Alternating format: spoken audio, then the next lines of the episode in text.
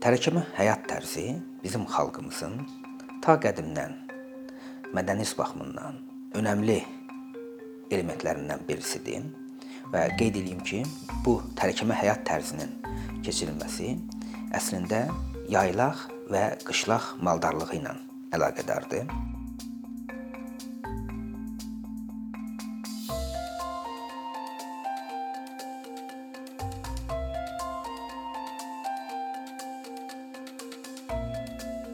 Bəzən onu köçəri e, mədəniyyəti, bəzən e, yəni ingilis dilində nomadik, semi-nomadik kimi adlandırılır e, bu ifadə.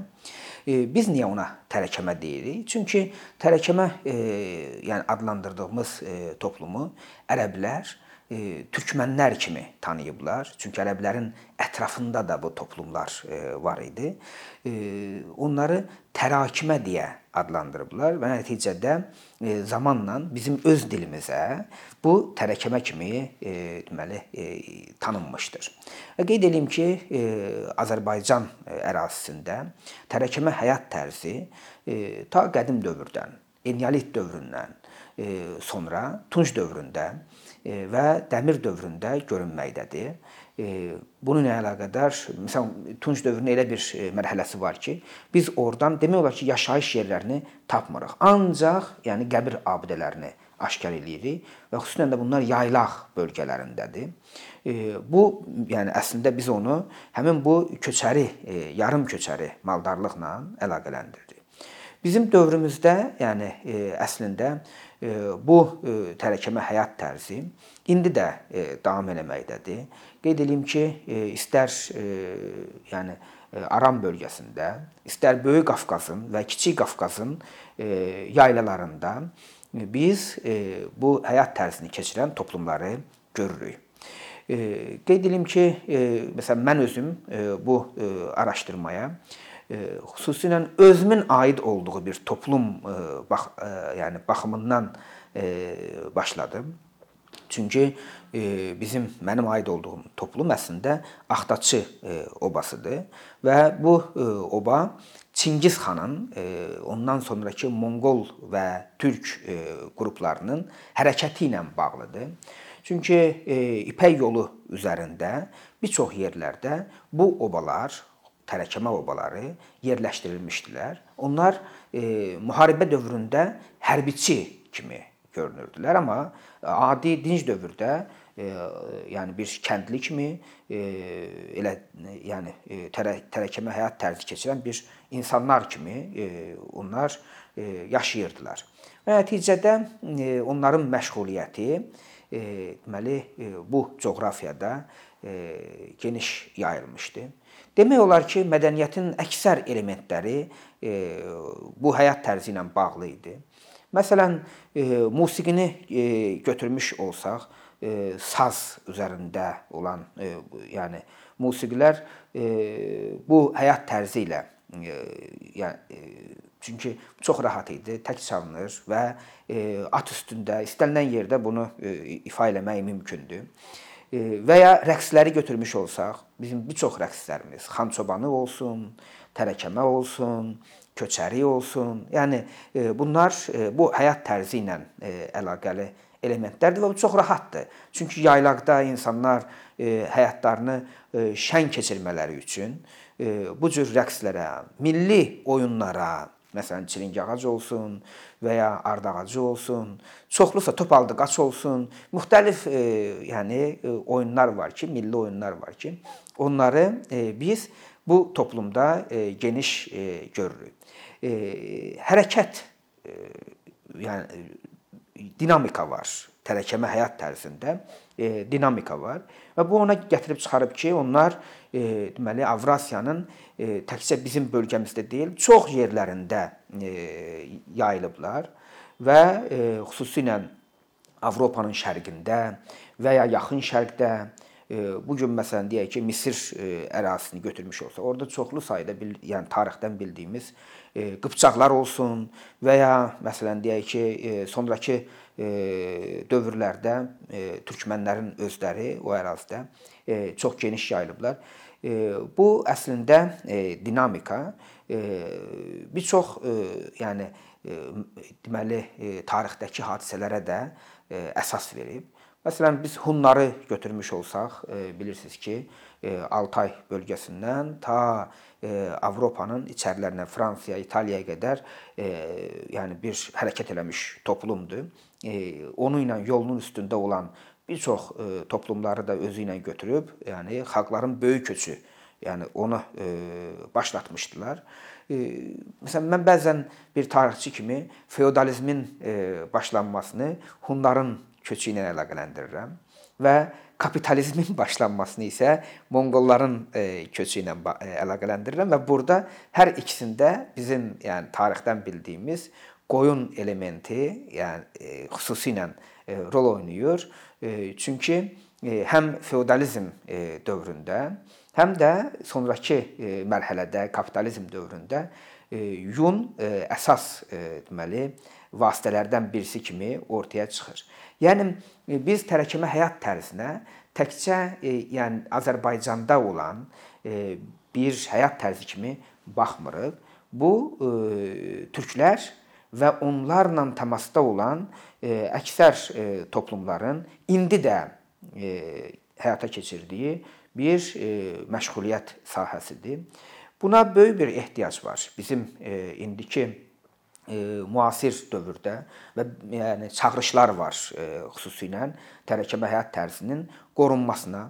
Burada ən önəmli məsələlərdən biri qida təhlükəsizliyi, ekoloji təmiz məhsullar məsələsidir ki, bu xüsusilə yəni bunu ancaq tərəkəmə həyat tərzi keçirən insanlar təqdim eləyə bilərlər. O cür süd məhsullarını və ya ət məhsullarını, geyimə aid təbii, məsələn deyək ki, məhsulları biz onlarda görürük. Dəri ilə bağlı olan məsələlər olsun. Çünki onlar yəni heyvanları sadəcə bir deməli deyək ki, tövləyə və ya bir dama həbs eləmirlər. Onlar heyvanlara bir növ azadlıq verirlər ki, yayda qışlaq bölgəsində və ya daha doğrusu qışlaq bölgəsindən yaylağa, qışda isə qışlaq adlandırılan ərazilərə gəlsinlər. Bu qida təhlükəsizliyi birinci, yəni məsələ məsələdir bu həyat tərzinin qorunması üçün. Ekosistemin qorunması üçün bu çox vacibdir. Xüsusilə bizi su ilə bağlı yəni problemlər çox saydadır və bunların bir çoxusu həm də tarlalar, tarlaların torpaqların belə bəzən mən deyirəm amansızcasına istifadə olunmasıdır. Yəni buğda və ya taxıl məhsullarının əldə olunması üçün o məhsulların verimli olmadığı yerlərdə aqrotexniki qaydaları, yəni və kimyəvi məhlulları belə daha çox istifadə etməklə və suyu belə israf edərək e, istifadə etməklə yeni bir e, sahələri inkişaf etdirməyə çalışırlar və nəticədə e, ekosistemi məhv edirlər. Oradakı bitki örtüyü məhv olur. Oradakı hansı ki orada tərəkəmə həyat tərzində heç nə əkmək lazım deyil. Orada o ərazidə yeni bir əki, əkinə ehtiyac yoxdur. O olduğu kimi qalır. Vəhşi təbiət olduğu kimi qalır. Və nəticədə oradakı flora və fauna qorunmuş olur və ekosistemə hər hansı bir e, ziyan dəymir. E, amma e, bu e, əslində biz demirik ki, e, bütün e, sahələr e, bu şəkildə e, yəni e, örüş üçün saxlanılmalıdır və e, qorunmalıdır. Amma biz deyirik ki, tarixən örüş kimi istifadə olunmuş əraziləri indi əkin e, ərazilərinə çevirmək ekosistemin məhv olunmasıdır. E, bundan başqa e, yaylaqlar ərazisi, yaylaqların da e, başqa vasitələr üçün istifadə olunmasını, xüsusilə turizmin, yəni o vəhşi təbiəti var da, hər tərəfin villalara və ya məsələn deyək ki, hə, çəpərlənərək, hasarlanaraq istifadə olunması elementləri var ki, bu da yaylaqlardakı otlaq sahələrinin əldən çıxmasına və tərəkəmə həyat tərzi keçirən toplumların məhvinə gətirib çıxarır. Mən xüsusilə qeyd edeyim ki, bu istər bizim Qarabağ müharibəsində də biz bu elementin ortadan çıxdığını, yəni tərəkəmə həyat tərzi, məşğuliyyət sahəsinin ortadan çıxdığını gördükdən sonra baxırıq ki, demoqrafiya da dəyiş, dəyişib. Yəni icmalar özlərini artıq ifadə eləyə bilmirlər. Yoxdur. Məsələn, etnik təmizləmə deyirik. Çünki bilirsiniz ki, 700 mindən yuxarı 1 milyona yaxın insan o əraziləri tərk eləmişdi və oradakı belə deyək, demoqrafik o quruluş, struktur pozulmuşdu. Məsələn, Laçının Hacılar kəndi var. Ağcabədinin Hacılar kəndi var.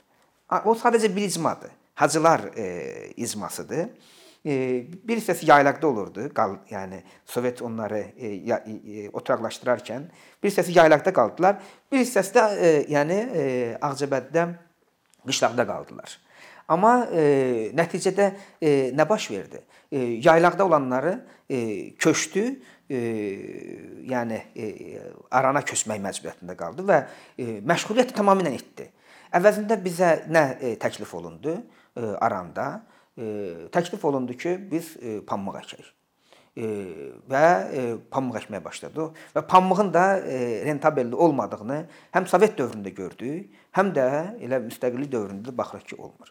Yəni bizim coğrafiyamızın ən əsas üzərində durması lazım olan e, bu məşğuliyyət sahələrindən birisi və birincisi xüsusən də kənd təsərrüfatı sahəsində tərəkəmə həyat tərzidir və insanları e, bu sahəni e, belə deyək modernləşdirərək e, insanları bu istiqamətə yönəltmək olar.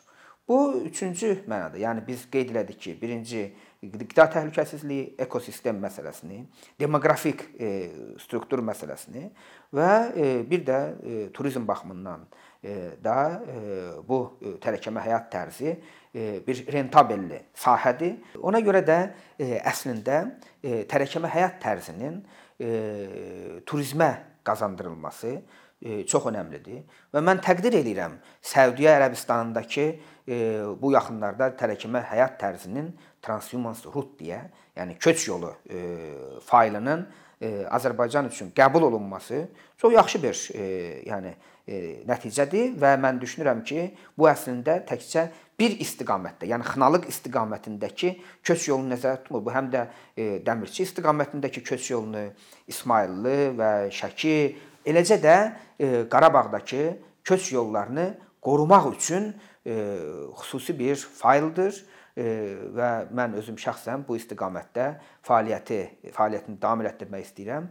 Qeyd eləyim ki, elə Dövlət Turizm Agentliyi ilə mənim özümün də aid olduğum, yəni Gəgəli bələdiyyəsi arasında tərəkəmə yurdu folklor turizmi meydanının yaradılması nəzərdə tutulub və biz o işi başlatmışıq. Orda məqsəd insanları folk muzeum, yəni folklor muzeyi formasında bir deməli mənzərə yaratmaqdır. İnsan insanlar o məkana gəlməklə, tərəkəmə yurduna gəlməklə həm alaçıqlarda gecələmiş olacaqlar. Yəni o onu orada yaşaya bilərlər. Yaylaqdakı alaçıqları orada qururuq.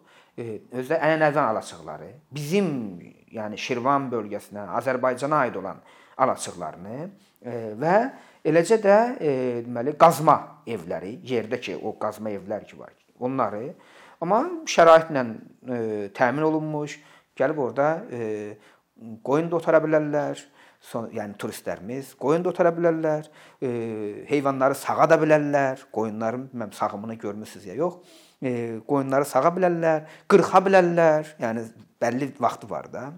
E, biz onları məsələn deyək ki, tur paket kimi hazırlayırıq ki, yəni gələcəkdə e, nəinki xarici turistlər, elə yerli. Çünki mən baxıram ki, e, əksər e, məktəblərdə e, uşaqlar heyvanları tanımırlar. Yəni məsələn o heyvanların şəklini görürlər, amma onları ayırd eləyə bilmirlər. Onlara bunları təqdim eləyəndə e, o e, doğrudan da xüsusən də e, 14 yaş altı uşaqlar heyvanları ayırd eləməkdə çətinlik çəkirlər. Bu mənada, yəni e, belə e, model e, yurtların olması lazımdır ki, e, orada dərs keçə bilsinlər. Thank